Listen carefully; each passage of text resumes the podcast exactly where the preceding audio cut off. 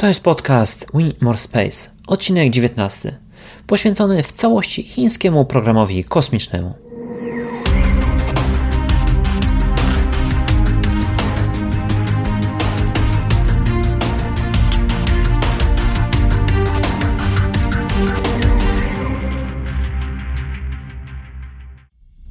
W tym odcinku moim gościem jest Michał Moros, który prowadzi serwis internetowy Orient Space i pasjonuje się tym, co dzieje się w branży kosmicznej w Azji. Przyczynkiem do naszej rozmowy jest misja chińskiej sondy kosmicznej Chang'e 5, która właśnie wylądowała na Księżycu, pobrała próbki skał i wraca z nimi na Ziemię. Ale to tylko początek, bo Chiny wysyłają również swoich obywateli w kosmos, budują statki i stacje kosmiczne, a także wysłały łazika na Marsa. Co dokładnie Chiny robią w kosmosie i gdzie to prowadzi? O tym dowiecie się z tego odcinka podcastu, w którym staramy się podsumować najważniejsze informacje o chińskim programie kosmicznym w pigułce. Zapraszam. E, witaj Michale w Win More Space Podcast. Proszę przedstaw się, powiedz jaki masz związek z kosmosem? Cześć, jestem Michał Moros, e, obecnie blog e, orientspace.pl.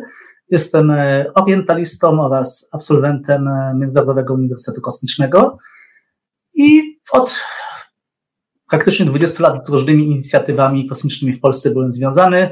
Dawno, dawno temu zaczynałem jeszcze od czasopisma Astronautyka, portalu Astronet. W pewnym momencie z kolegami założyliśmy portal Kosmonauta.net i w tym momencie, no potem z tego wyrosła pierwsza firma Kosmonauta.net, potem firma Blue Dot Solutions i nagle tak okazało się, że robimy cały szereg projektów właśnie dla Europejskiej Agencji Kosmicznej, dla Komisji Europejskiej, dla Polskiej Agencji Kosmicznej. Od 2019 roku jestem na tak zwanej karierze solowej i w tej chwili po prostu próbuję samemu coś tam ciekawego robić. Nagrywamy ten e, odcinek podcastu e, w bardzo szczególnym e, czasie, kiedy właśnie Chińczycy no, wylądowali na Księżycu swoją sondą. Właśnie jak, jak powinniśmy wymawiać? Change, Chang? Chang'e, Chang'e 5. Chang'e 5 dwa razy ton do góry. Mhm. Właśnie wylądowali i oni też kiedyś, wydaje mi się, byli taki niepozorni w tym, w tym całym e, space'ie, ale od e, kilku, kilkunastu lat naprawdę ostro idą do przodu. No i właśnie teraz nagrywamy to w, w tym momencie, kiedy e, sonda właśnie pobrała próbki i. Startowała z Księżyca właśnie około godziny temu. W tym momencie właśnie Udało się wejście na orbitę księżycową. To na początku troszeczkę było stresu, bo e, nieoficjalne źródła monitorujące właśnie sygnał pokazały, halo, halo, sygnału nie ma, co tu się dzieje w ogóle, ale później znowu no, sonda zaczęła nadawać i jest też oficjalne potwierdzenie z chińskich mediów, że się udało, że e, Chang'e 5 trafiła właśnie na e, orbitę księżycową z pobranymi próbkami i w tej chwili przechodzimy do kolejnego etapu misji, czyli połączenia się z orbiterem, który krąży wokół, e, wokół Księżyca. Czyli musi dojść do cumowania automatycznego, coś co przedtem robili tylko astronauci programu Apollo.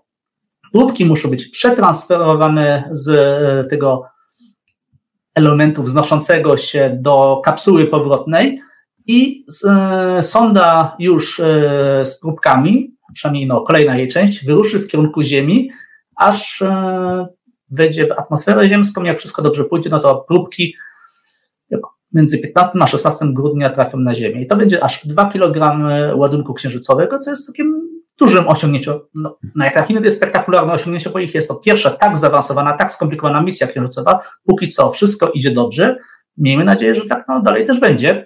E, warto w ogóle wspomnieć, że to są pierwsze próbki księżycowe przewiezione od e, ponad 40 lat. E, ostatni raz zrobiła to radziecka sonda Luna 24 w 1976 roku. Wówczas było to 170 gram. E, Chińczycy planują tutaj właśnie aż 2 kg przywieźć. I jeszcze, żeby było ciekawiej, misja Łuny była ostatnią radziecką, czy nawet rosyjską misją księżycową, bo później żadne misje już albo nie zostały zrealizowane, albo no, no nic się nie udało. Oczywiście są kolejne Łuny w planach UNA 25, 26, 27, ale to są projekty tak zwane wieczne, żywe. I ciągle słyszę po prostu co roku o przesuwaniu o kolejny rok czy dwa po prostu projektu, więc może się uda w przyszłym roku, bo to już jest troszeczkę bardziej zaawansowanie, no ale no, no mam swoje wątpliwości, czy Rosjanie utrzymają to swoje tempo. Mhm. No ale właśnie no bo okej, okay, jesteśmy teraz w takim małym momencie kulminacyjnym, jeśli chodzi o ten chiński program kosmiczny, a szczególnie o, o ten program Chang'e. Chang'e? Chang'e. Chang'e. Natomiast co, co mnie zaskakuje w tym programie, to jest to, to znaczy tak, po, po pierwsze sprawdziłem w ogóle, skąd wzięła się ta nazwa, mhm. no i chodzi o to, że w chińskiej mitologii E, Chang'e. Jest to bogini księżyca, która spożyła napój e, eliksir nieśmiertelności i uniosła się na księżyc.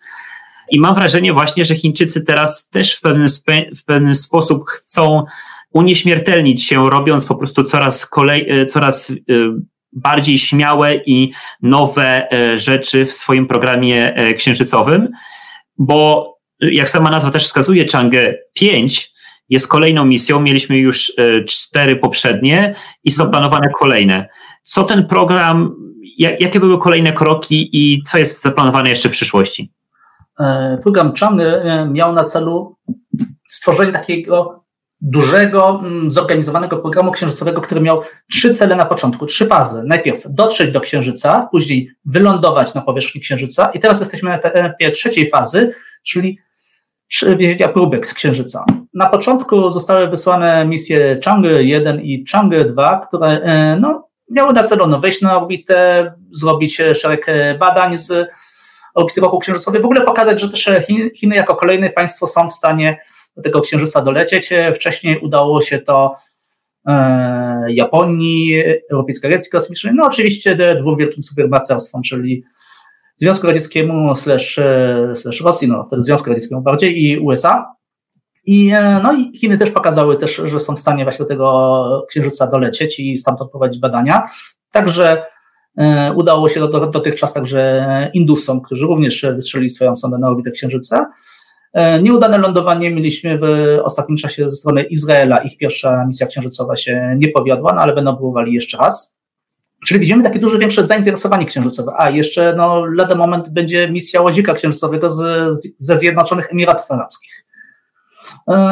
Wracając do, do Chińczyków, ich program ma na celu takie powolne, ale zaplanowane, zaplanowane struktury. Widać, że to po prostu to wszystko jest wzajemnie się przeplata w różnych miejscach. E, raz, e, że E, program ten wpływa na, e, na, inne programy, chociażby na program załogowy, ponieważ właśnie wracając do misji Chang'e 5, próbki, które wrócą na Ziemię, wrócą w specjalnej kapsule, która wygląda jak zminiaturyzowany ich pojazd załogowy, który, a debiutancki lot tego pojazdu też się właśnie parę miesięcy temu odbył. No oczywiście dużo materiałów z tego nie ma, ale widać, że okej, okay, te programy łączą że się, przechodzą, bo przychodzi transfer technologii między programem załogowym, między programem księżycowym, i rzeczywiście docelowo misje księżycowe e, chińskie mają na celu to, co też no, wszystkie poważne państwa w tym robią, e, ustanowienie dużej czy jakiejś skomplikowanej bazy załogowej na powierzchni Księżyca i, i mówi, w miarę regularne loty astronautów. Oczywiście to jest dalsza perspektywa, jakieś lata 30. Wcześniej bym się też żadnych sensacji nie spodziewał. W każdym razie Chińczycy, mm, można powiedzieć, że w tym nowym wyścigu kosmicznym, można powiedzieć, że mm, z perspektywy takiej bezzałogowej wyprzedzili Stany Zjednoczone w tych nowych osiągnięciach, w takich e, pierwszych rzeczach. Oczywiście Amerykanie powiedzieli halo, halo, no my wylądowaliśmy, my teraz planujemy dużą międzynarodową stację wokół Księżycą, więc oni robią to może w rzadszych ostępach czasu, ale w takich bardziej spektakularnych. Za to e, Chiny po prostu nie śpieszą się i powoli po prostu rozwijają swoje możliwości. Warto podkreślić, co im się udało e, jako pierwszych. E, przede wszystkim e, po raz pierwszy wylądowali na niewidocznej z Ziemi stronie Księżyca, czyli to jest coś, co dotychczas żadne państwo nie przeprowadziło. Na, to odbyło się podczas misji Chang'e 4 i wtedy łazikowi towarzyszył też łazik lądownikowi towarzyszył łazik, łazik księżycowy YouTube, który Także nazwa pochodzi z mitologii chińskiej, to jest jadejtowy królik, który towarzyszył, towarzyszył księżniczce Chang'e. I e, cały czas po prostu ta misja nadaje i funkcjonuje, a nadaje dzięki temu, że Chiny umieściły przedtem satelitę telekomunikacyjnego w punkcie libracyjnym e, za Księżycem i w tym momencie ten, ten, ten satelita cały czas e, jest w zasięgu i Ziemi, i Księżyca, i tym samym może po prostu patrzeć, co się właśnie tam, e, co z Księżyca z drugiej strony jest nadawane i może przekazywać te, te informacje. Czyli e, no, Chińczycy no po prostu widać, że tą infrastrukturę budują dosyć dużo i jak w ogóle popatrzeć, ile sprzętu lata wokół jeszcze Księżyca Chińskiego, no to jest to jeszcze orbiter, jest Chang'e 1, Chang'e 2, Łazik z Chang'e 3 też jeszcze nadaje, chociaż tam już niewiele eksperymentów funkcjonuje. Jeszcze tak, to, był, to, był, to był ten łazik YouTube, tak? A w Chang'e 4 był YouTube 2, tak? Dokładnie. I, dokładnie. i, ten, i ten pierwszy, pierwszy chyba za długo nie, nie, nie przetrwał e, mhm. nocy księżycowej, natomiast e, ten YouTube 2 to po prostu jakieś rekordy bije. Rzeczywiście, no i widać, że to po prostu też są, no, że łaziki księżycowe e, przynajmniej chińskie, są całkiem e, wytrwałe, chociaż tutaj też trzeba pamiętać właśnie, że Rosjanom bardzo duże osiągi udało się także przy ich łunochodach e, uzyskać. Może jeszcze niektórzy z nas pamiętają zabawki łunochodów. My w bloku wschodnim mieliśmy takie, takie gadżeciki. Ja nie pamiętam, myślę, że e, nasi współcześni widzowie albo słuchacze, to jeśli pamiętają łunochod, to z serialu Czarnobyl. A to tam już. No, ja nie widziałem właśnie całego Czarnobyla. Mnie Czarnobyl trochę poirytował w tym momencie, bo to ładnie przedstawiony, ale za dużo tam takiej panikarskiej antynaukowości, po prostu mnie to zbyt poirytowało, więc no. E, wracając w ogóle no, do, misji Chang'e, e, w tej chwili po prostu jak wszystko się uda, no to pierwsze e, próbki z powierzchni Księżyca od ponad 40 lat wrócą na Ziemię. Chang'e 5 w ogóle przewiezie bardzo młode próbki z Księżyca. Przewiezie je z obszaru, który nazywa się Mons Riemker. Jest to geologicznie, czy selenologicznie relatywnie młoda formacja na Księżycu, która ma około 1,1-1,2 miliarda lat, czyli powstała wtedy, kiedy już e, na Ziemi życie się rozwijało. Poprzednie próbki przywiezione zarówno przez e, Związek Radziecki, tam mówimy o 300-400 gram, e, trzy misje Luna przywiozły i blisko 200 kg skał z programu Apollo, no to są próbki, które są znacznie starsze czyli oznacza, że w tym momencie, jeżeli Chińczycy przywiozą swoje próbki, e, no to dostaniemy materiał też świeży, niebadany, który da nowy obraz w tym momencie, no jak ten księżyc rozwijał się w późniejszym etapie. Jest to pierwsza misja pobrania próbek księżycowych. Wiadomo też już kolejna jest w planach na 2023-2024 rok, wtedy będzie to misja Chang'e 6. Tutaj mówi się o przywiezieniu próbek z bieguna południowego. I później mają zostać wysłane kolejne misje z serii.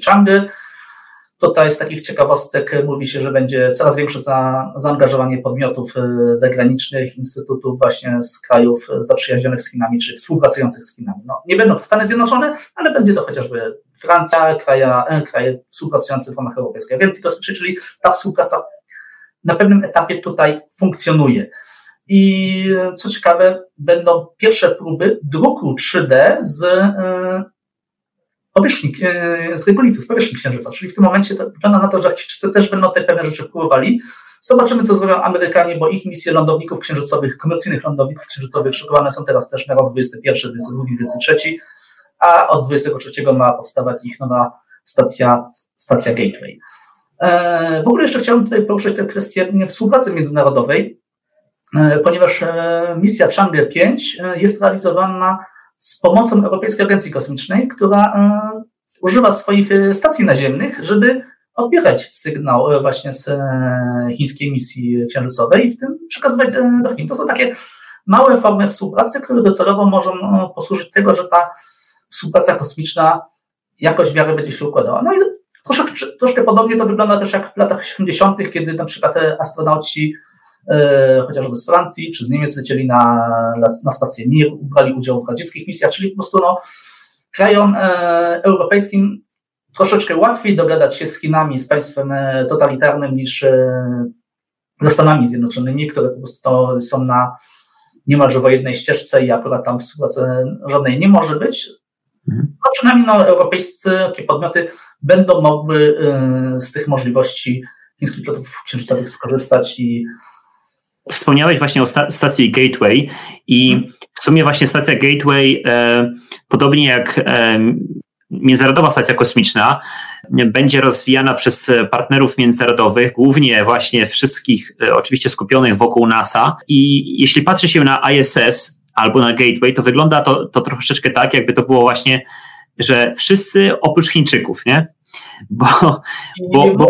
że oprócz Rosji, ponieważ Rosja przez lata coraz mniej się dogaduje w tym momencie ze Stanami Zjednoczonymi i już są takie mhm. delikatne sygnały wysyłane, że udział w Gateway jest za bardzo amerykańsko-centryczny, że Amerykanie nie chcą, ale tak naprawdę to jest takie grzeczne wychodzenie z programu w tym momencie, bo no, Rosjanie też nie mają tych e, możliwości tak dobrych, jak e, czy nie mają takich możliwości jak e, na początku programu Międzynarodowej Stacji Kosmicznej, gdzie średnia wieku kadry ich była znacznie mniejsza, gdzie wciąż było dużo doświadczonych pracowników, którzy pamiętali czasy Związku Radzieckiego. To się mocno jednak zmieniło i chociażby opóźnienia teraz najlepszych modułów do Międzynarodowej Stacji Kosmicznej, gdzie moduł nauka opóźnia się ciągle o kolejny rok. Jest to laboratorium rosyjskie, które po prostu no, miało trafić, pamiętam, ponad dekadę temu w tym momencie w skład międzynarodowy. Tak, chyba tam, pierwotnie w 2007 nawet chyba. I, I, teraz właśnie parę dni temu przeczytałem, znowu jest opóźniony o parę miesięcy. Mimo, że już jest na kosmodromie Bajkonury, i przychodzi tam niby ostatni etap y, testów, no ale ciągle z tym projektem jednak coś tam się dzieje. Dlatego w Rosję bym tutaj szczególnie nie, nie wierzył. Za to pozostali partnerzy jak najbardziej w, w ramach programu Gateway są. I są to właśnie kraje współpracujące w ramach Europejskiej Agencji Kosmicznej. Jest to Kanada, jest to, jest to Japonia. E, w tym momencie też e, niedawno zostały ogłoszone pierwsze przetargi na e, budowę modułu, właśnie na modułu europejsko-japońskiego, habitatu, czyli Gateway już jest na takim etapie nie wstępnych studiów, czy bardziej zaawansowanych studiów, ale w tym momencie bezpośrednich zamówień do przemysłu, gdzie e, komponenty muszą zostać po prostu na czas dostarczone. Czyli jest to już takie no, bezpośrednia praca w tym momencie już z mechanicznymi częściami, a nie tylko jeszcze w, w kadzie i mhm. projektowanie.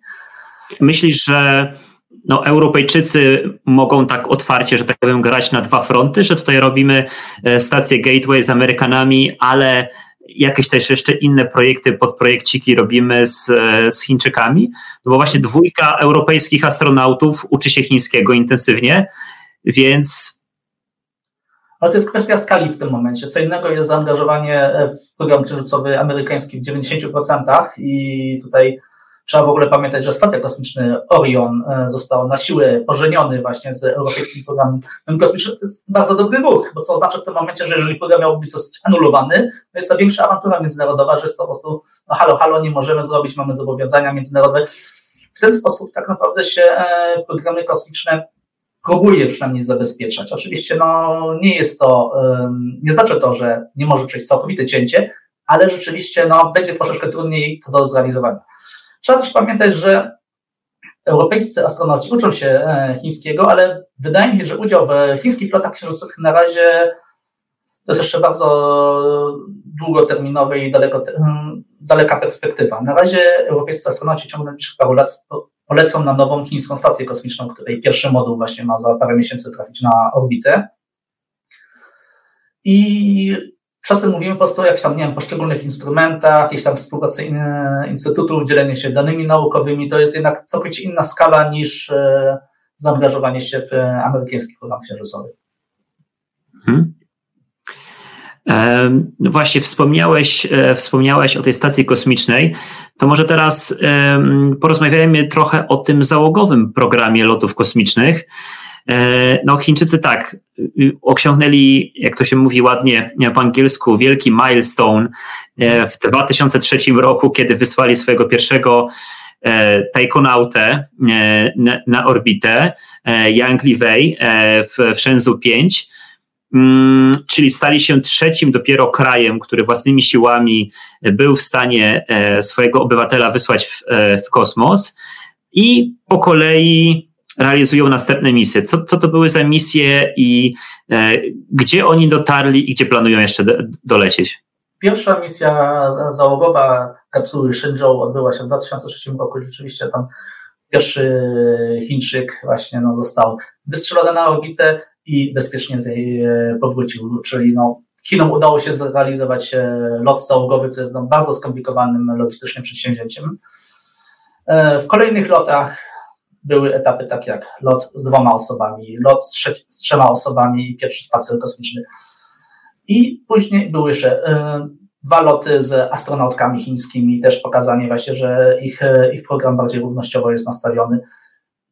I pierwsze loty do malutkich prototypów stacji kosmicznych. Do prototypu, do, to wtedy się nazywało Tiangong, pod tą samą nazwą mhm. E, kryje się e, ich program właśnie większej tej stacji, Tiangong i można określić jako taki bardziej taki malutki pokój, taki no, małą przestrzeń w, w przestrzeni kosmicznej, którą można przycumować i można, moż, można wejść, ale tam po prostu jest tylko parę metrów sześciennych, parę metrów sześciennych E, przestrzeni dla, dla astronautów i rzeczywiście e, to pozwoliło tylko no, na przeprowadzenie najdłuższego dotychczas chińskiego lotu, który trwał o 4 tygodnie. Co ciekawe, okazało się, że drugi Tiangong był prototypem dla prototypem rozwiązań dla pojazdu logistycznego chińskiego, czyli takiego progresa, jak Rosjanie mają progres po to, żeby dostarczać ładunki, eksperymenty, paliwo e, powietrzem do stacji kosmicznej, tak samo właśnie mają Chińczycy teraz taki pojazd, on się nazywa w ogóle dedykowany pojazd, nazywa się Tianzhou. I jeżeli po prostu w przyszłym roku rozpocznie się program kosmiczny chiński, no to w tym momencie będzie to, on będzie odwiedzany przez pojazdy załogowe i bezzałogowe. Na tym etapie w tej chwili są, czyli yy, są w stanie przycumować do stacji kosmicznej, są w stanie funkcjonować parę tygodni w przestrzeni kosmicznej i e, mogli na razie dopracowywać swoje systemy podtrzymywania życia. Mogą astronautów sprowadzić z orbity i e, zrealizowano pierwszy testowy spacer kosmiczny, co oznacza, że przy budowie nowej stacji kosmicznej też będą właśnie e, prace na zewnątrz stacji podejmowane. I to jest ten moment programu Shenzhou. Na razie te kapsuły będą obsługiwały stację Tiangong. I jednocześnie właśnie mieliśmy jeszcze niedawno pierwszy eksperymentalny lot e, nowej kapsuły załogowej, która powstaje w dwóch konfiguracjach. Do lotów na niską orbitę okołoziemską właśnie do, do stacji kosmicznej Tiangong i docelowo do konfiguracji księżycowej. Ale to jeszcze parę lat minie, zanim e, ten nowy statek kosmiczny będzie latał za samota. Mhm. I ten, ten nowy statek kosmiczny to jest on jest bardziej już zbliżony do tego amerykańskiego Oriona, tak? To jest już statek przemyślany, z, e, aby latać w tą głęboką przestrzeń, nie tylko na orbitę. Dokładnie. Przynajmniej są dwa warianty, że w tym momencie, no, że będzie mógł wziąć większe załogi, na przykład e, niskiej orbity okołoziemskiej do stacji kosmicznej, albo czyli sześć osób, ewentualnie trzy albo cztery osoby na orbitę wokół księżycową. Wtedy mówimy o większych zabezpieczeniach przed, e, przed radiacją, przed promieniowaniem kosmicznym i także no, jeszcze bardziej e, zaawansowanymi systemami, systemami podtrzymywania życia. No i te poprzednie statki kosmiczne Shenzhou e, były właściwie pochodnymi, albo przynajmniej bardzo przypominały te rosyjskie sojuzy. No, rozumiemy więc, że ten nowy jest już jakby taką absolutnie oryginalną, e, e, oryginalnym dziełem chińskiego programu kosmicznego. Powiedział, że Shenzhou jest praktycznie też oryginalną konstrukcją e, niskiego programu kosmicznego, nie przeceniajmy te role e, Sojuzów, ponieważ okej, okay, rzeczywiście na początku lat 90. E, Chińczycy kupili od Rosjan kapsułę Sojuz, ale kupili kawałek blachy, sprzętu, która nie miała żadnej elektroniki w środku. Co oznacza, że oni jedyne co zyskali to model aerodynamiczny takiej kapsuły, jak ona by e, mogła funkcjonować. Przy czym trzeba pamiętać, że sama kapsuła Shenzhou jest od Sojuza o kilkanaście procent większa, dlatego też w ogóle na początku tego programu pojawiały się sugestie, że no, więcej astronautów będzie w stanie latać na pokładzie właśnie Shenzhouów. I w tym momencie cała elektronika, wszystkie systemy tutaj no, Chińczycy musieli sami e, wytworzyć. Była na pewno jakaś tam forma drobnej współpracy, wsparcia z Rosją, ponieważ pierwsi chińscy astronauci trenowali w Gwiezdnym Miasteczku, oni nigdy nie, nie polecieli na orbity, ale też zostali wybrani, wybrani do pierwszego korpusu chińskich astronautów, pierwszego korpusu w ramach programu Shenzhou, bo w latach 70. Chiny też miały swój program załogowy, który został jednak anulowany. W każdym razie ci astronauci, trenerzy właśnie e, kontynuowali jako instruktorzy w tym momencie obecnych, e, obecnych astronautów w Chinach. A teraz w ogóle jest taka sytuacja, tych astronautów całkiem dużo tam jest, już chyba trzecia grupa została niedawno wybrana. Też jest inne podejście niż e, w Ameryce, gdzie NASA stara się, żeby praktycznie każda osoba wybrana, lub przynajmniej 95% z nich brała udział w tym locie kosmicznym, to w przypadku Chińczyków, ponieważ raz tych lotów jest dosyć mało, dwa no mają inne podejście do e, Human resources. Ludzi jako jednostki w tym momencie tylko no, wybrane osoby lecą i to jest tak powiedzmy no, mała część tego korpusu, więc sześć osób po prostu no, trenuje, ale potem anonimowo gdzieś tam e, odchodzi na, na emeryturę po prostu. Niewiele o nich słychać i o niektórych astronautach chińskich nawet no, e, znamy tylko imię i nazwiska, nie ma portretu. Mhm. A czy, czy są już jakieś w miarę pewne informacje na temat właśnie tych przy, przyszłych misji księżycowych chińskich załogowych? Bo to chyba to jest coś, co jakby najbardziej pobudza naszą wyobraźnię. E, są jakieś oczywiście plotki, ale czy są jakieś konkrety?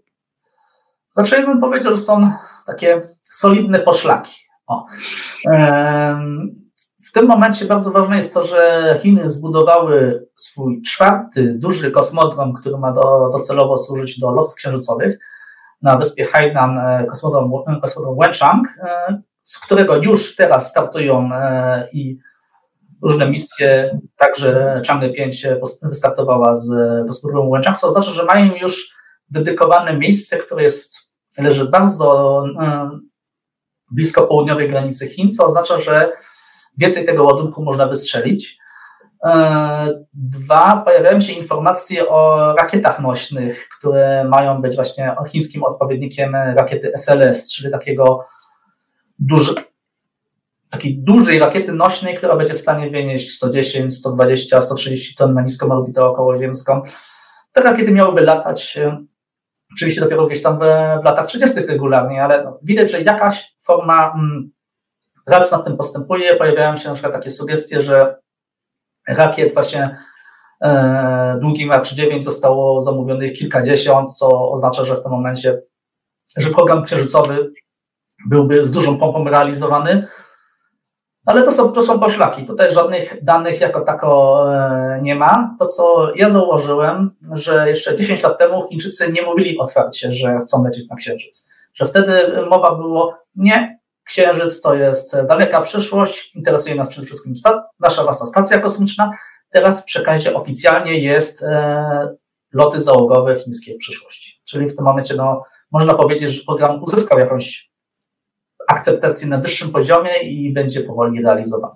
Mi się w ogóle to bardzo podoba, że ten program jest realizowany z tego powodu, że jest presja na, na USA, na, na Europę, a długoterminowo także na, na Indię, na Japonię, żeby na tym księżycu jednak coś robić, bo wydaje mi się, że to, że Amerykanie zrezygnowali po wygranym wyścigu z latania na księżyc, a jednocześnie Rosjanom nigdy nie udało się przeprowadzić jakiejkolwiek udanej misji księżyca, sprawiło to, że o, ta rywalizacja się wypaliła i no i program Apollo nie doczekał się tak szybko kontynuacji. Tam czemu to się stało, to jest oczywiście długo, można dyskutować. E, w dużym skrócie każda budowa nowej, e, nowej rakiety, nowego statku załogowego, zwłaszcza tak skomplikowanego jak księżycowego, trwa około dekady, czyli tutaj mówimy o dwóch, trzech kadencjach e, prezydentów, kongresów i ciągle przychodzi zmiana, która po prostu TKM wszystko zmienia i ten w ogóle program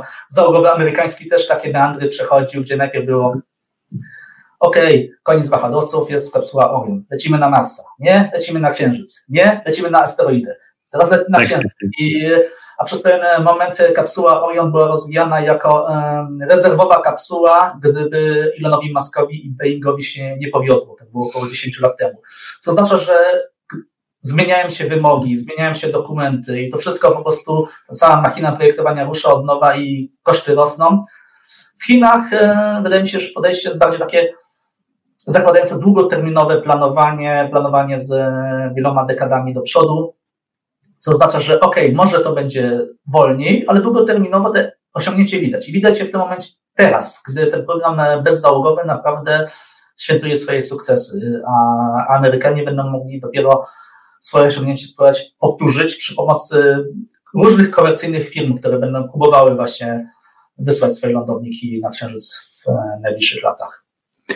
Mhm. W kontekście Chin bardzo ważne też jest takie pojęcie, dużo o tym się mówi, dual use technologies, że to, co robimy dla cywilnego programu kosmicznego, można użyć też dla e, tego nie do końca cywilnego, e, czyli mówiąc otwarcie wojskowego. I jak to jest e, z chińskim programem kosmicznym? Na ile on jest cywilny, a na ile wojskowy? Czy to da się w ogóle to oddzielić? Trudno.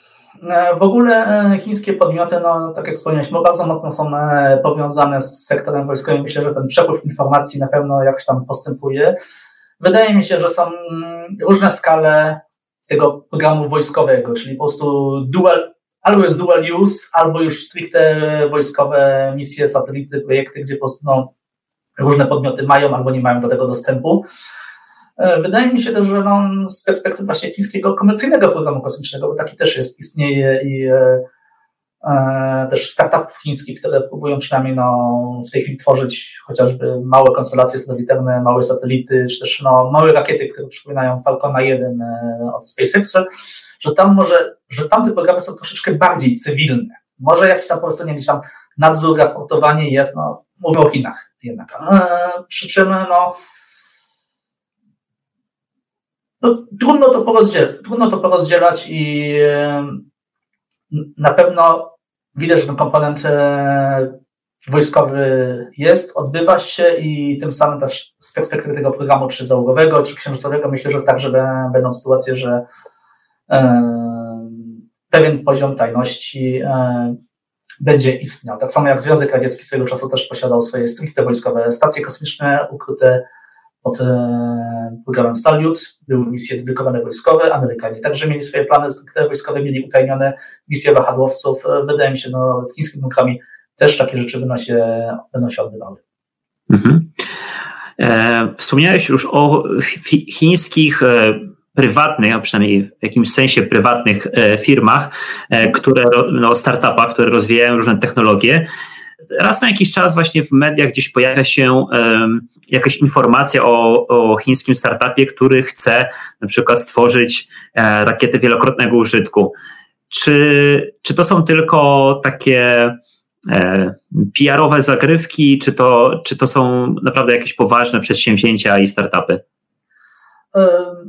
Te startupy mają już swoje osiągnięcia, ponieważ mówimy już o firmach, które wystrzeliły rakietę na, na orbitę z małym ładunkiem, no chociażby takie firmy jak e, iSpace. I e, one również pracują nad e, rakietami częściowo wielokrotnego użytku, czyli w tym momencie o uzyskiwaniu pierwszego stopnia. Na razie i ta wiedza też jest transferowana między tymi startupami czy dużymi, dużymi firmami, które po prostu, dużymi przedsiębiorstwami, które robią rakiety z serii Długi Marsz. Mówi się w tym momencie, że Chiny pracują nad rakietą odzyskiwalną. Na razie mają pierwsze e, sukcesy w instalacji lotek e, aerodynamicznych, podobnie jak widzimy to w transmisjach SpaceX, żeby rakieta, która wystrzeliła ładunek i e, gdy już po wystrzeleniu ten pierwszy stopień wypalił całe paliwo i dotychczas on zawsze spadał, to żeby chociaż można było kontrolować ten lot. I to ma właśnie... A, a, w, chińskim, a w chińskich realiach to niestety te, te pierwsze człony czasami spadają na wioski z ludźmi, więc Dokładnie i no właśnie jak e, widać właśnie no, ten kraj w oficjalnych komunikatach mówi właśnie, że e, no, były podejmowane akcje ewakuacyjne. W praktyce potem ciągle na, na Weibo w, w chińskich mediach społecznościowych pojawiały się zdjęcia właśnie stopni rakietowych, które uderzały, uderzały w wioski i czasem były to też stopnie rakietowe wypełnione, wypełnione dimetylohydrozyną, czyli bardzo toksycznym paliwem, e, które, no, jeżeli kiedykolwiek zobaczymy coś spadającego z nieba i pomarańczowy dym, to trzeba uciekać albo oddalać się żwawo. No, chodzi o to, że jest to bardzo toksyczne paliwo, e, tak. gdzie, co oznacza, że no, chyba w końcu do kogoś dotarło, że no, nie jest fajnie zrzucać e, rakiety na swoich własnych obywateli, no ale Chiny, ale Chiny to trzymają milion ludzi w obozach koncentracyjnych, oni się nie przyjmują takimi rzeczami. No, to już inny, inny temat. E, w każdym razie, e, ale też w ogóle też wynika ze specyfiki chińskiego programu kosmicznego i ich ułożenia geograficznego, ponieważ pierwsze kosmodromy Jiuquan, Xichang, Taiwan znajdują się w centralnej części kraju. Są to stare bazy wojskowe i stamtąd startują te rakiety. W ogóle, jak patrzymy na cały świat, na kosmodromy, w zdecydowanej większości znajdują się one nad morzem. Po to, żeby rakieta, jeżeli już wystartuje, jak doszło do jakiejś awarii, żeby nie, no, nie spadła na tereny zamieszkałe. Tutaj wyjątkiem są też e, kosmodromy e, Bajkonur, e, kos, kosmodrom Kapustin Yar, czy też nowo budowany e, w Rosji Wostocznej. No ale one mają akurat tę przewagę, że tory rakiet lecą nad terenami naprawdę niezamieszkałymi. Tam, jak leci coś nad Uralem, tam naprawdę nawet jak spadnie, to, to nikt tego nie usłyszy, że to spadło. Mhm. I e, tam jeszcze można było sobie coś takiego pozwolić. No, tory e, startujących chińskich rakiet przebiegają właśnie no, nad e, terenami zamieszkałymi. Oprócz najnowszego kosmodromu, kosmodromu Łęczan, właśnie temu dużemu księżycowemu kosmodromowi. Tam rzeczywiście e, też ten warunek został spełniony. Mhm. To jest na, na wyspie e, absolutnie najbardziej wysuniętej wyspie na, na południe, więc jakby geograficznie jest idealnie położone miejsce do, do skonstruowania kosmodromu. Dobrze, jeszcze, jeszcze jedna ostatnia rzecz, bo mówiliśmy tutaj o, o programie księżycowym, o trochę wpływie też polityki międzynarodowej, o wojskowych aspektach tego programu, ale Chiny realizują również bardzo ciekawe misje naukowe. I w tej chwili na, na Marsa leci e, lądownik razem z łazikiem Tianwen i e, w, w lutym 2021 roku razem z amerykańskim e, Perseverance wyląduje, znaczy razem, mówię tylko po prostu dlatego, że akurat w tym samym momencie wyląduje na Marsie, mm, więc Chiny mają również ambitny program naukowy. Tak, realizują swoje właśnie misje eksploracyjne. W tej chwili właśnie próbują samodzielnie przeprowadzić swoją pierwszą misję, e, misję marsjańską, misję Tianwen-1. W ogóle pod nazwą Tianwen ma się kryć cały szereg różnych e, projektów eksploracyjnych. E, też mowa o, locie do Wenus, o pobraniu próbek z, z planetoidy albo komety. Czytałem niedawno o projekcie wysłania sondy na odległość 100 jednostek astronomicznych od Ziemi, co miało być z okazji stulecia programowania Chińskiej Republiki e, Ludowej. No, pewne rzeczy oni tam no, realizują i no, widać ten aspekt eksploracyjny też, też tam jest. Przedtem próbowali też no, robić to z e, pomocą innych, na tym źle wyszli, bo ich pierwsza misja marsjańska Yinghuo 1 e, miała polecieć wraz z rosyjską misją Phobos Grunt, to było parę lat temu, no ale akurat nie udało się przy starcie i e, główny ładunek został utracony i przyczepiona do, nie, e, do niego Inkhu 1, a także wylądowała na dnie Oceanu Pacyficz, e, Pacyficznego i, no i tym bardziej już Chińczycy dalej po prostu stwierdzili, że ok, już wolą pewne rzeczy jednak sami robić. Zobaczymy, jakim to wyjdzie. No, mm, tych misji trochę jest. Trzeba jednak pamiętać, że nadal jest to tylko ułamek tego, co robi Europejska Agencja Kosmiczna, nie mówiąc już tego, ile tych misji przeprowadza NASA. Znaczy Chińczycy stawiają swoje pierwsze pewne kroki tutaj i, i fajnie, że to robią i wpływa to oczywiście też na inne państwa dookoła, które także swoje misje eksploracyjne próbują robić. W tym momencie niedługo szykuje się kolejna misja księżycowa, właśnie indyjska, Chandrayaan 3, szykuje się misja indyjska na Wenus, szykuje się misja łazika księżycowego z Emiratów, misja orbitera księżycowego z Korei Południowej to wzajemnie się nakręca w tym momencie. No oczywiście zależy to z jednej strony no, z dumy narodowej, halo, halo, no my też potrafimy, ten, a jednocześnie to zainteresowanie tym księżycem jest e, i w ogóle przestrzenią kosmiczną jest trochę większe i wydaje mi się, że doszli, doszliśmy do takiego momentu, gdzie przeprowadzenie takich misji jest troszkę łatwiejsze niż było to w 40-50 lat temu. Mhm. Jest łatwiejsze, ale jak pokazuje e, no, historia z e, misją izraelską i indyjską, na przykład lądowanie na Księżycu, to tak może nam się laikom wydawać jest takie bardzo proste, bo skoro NASA to Apollo posadziła już tyle razy i ludzi i to jest powinno być rutynowe, to tak nie jest i to też jest e, bardzo trudna technicznie sprawa, więc trzeba też oddać na przykład Chińczykom przyznać im po prostu to, że, e, że te misje Chang'e kolejne po prostu naprawdę e, to jest bardzo dobra, dobra praca wykonana przez, przez ich inżynierów i naukowców. Ogólnie, no, co możemy tutaj powiedzieć? Chiński program kosmiczny rozwija się. Rozwija się intensywnie, może nie tak szybko, jakbyśmy sobie wyobrażali, czytając po prostu literaturę fantastyczno-naukową, ale jest to na tyle po prostu tutaj program zaawansowany, że ta obecność e, chińska na Księżycu, czy w ogóle na orbicie okołoziemskiej i w ogóle w eksploracji kosmosu jest niesymboliczna, ale konkretna i będzie tego, będzie tego więcej. Więc możemy, możemy wiedzieć w tym momencie, jak powoli rozkręca się drugi wyścig kosmiczny. Nie wiemy, czy to będzie wyścig, czy on będzie w ogóle miał metę w tym momencie. Raczej, czy druga fala takiej dużej e, rywalizacji w, w eksploracji kosmosu. Mhm. I, I tym optymistycznym akcentem e, zakończymy tę rozmowę. Ja, ja, no, ja osobiście na przykład bardzo jestem e, podekscytowany tym, że niedługo już e, rozpoczyna się trzecia dekada XXI wieku, na którą to zaplanowane jest mnóstwo, mnóstwo różnych misji e, księżycowych również, o których dzisiaj mówiliśmy. E, I za naszego życia będziemy mogli je obserwować i fascynować się tym, co się e, dzieje na naszych oczach. Dokładnie, a jeszcze powiem, już niedługo kończy się ten okropny 2020 rok. No, jeszcze, jeszcze do, do, doszliśmy do ostatniego levelu Jumanji, ale jeszcze jakby nie zapeszajmy, zobaczymy, co się stanie. Tydzień, nie, w sobotę lecą, przylatują próbki z asteroidy pobrane przez Japończyków. Co mogłoby się złego stać, jak takie mm. Ale nie zapeszajmy, nic się nie stanie. Nie zapeszajmy.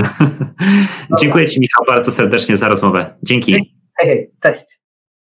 To koniec mojej rozmowy z Michałem. Dzięki ogromne za uwagę i za Twój czas. Mam nadzieję, że odcinek Ci się spodobał. Jeśli masz jakieś pytania, to napisz je śmiało w komentarzu pod postem podlinkowanym w opisie lub wyślij mailem na radek małpa A gdybyś chciał zacząć swój własny podcast, ale nie wiesz co i jak, też napisz. Od jakiegoś czasu pomagam firmom i organizacjom nagrywać i edytować ich podcasty. Mogę pomóc także Tobie. A jeśli spodobał Ci się ten odcinek, to zasubskrybuj cały podcast. A jeśli słuchasz go na urządzeniu z rogiem nadgryzionego jabłka, oceń go proszę w Apple Podcast i napisz krótką recenzję. To bardzo pomoże mi w rozwoju tego podcastu, da siłę i energię do zapraszania nowych, intrygujących gości. Z góry ogromne dzięki. Do usłyszenia w następnym odcinku. Cześć!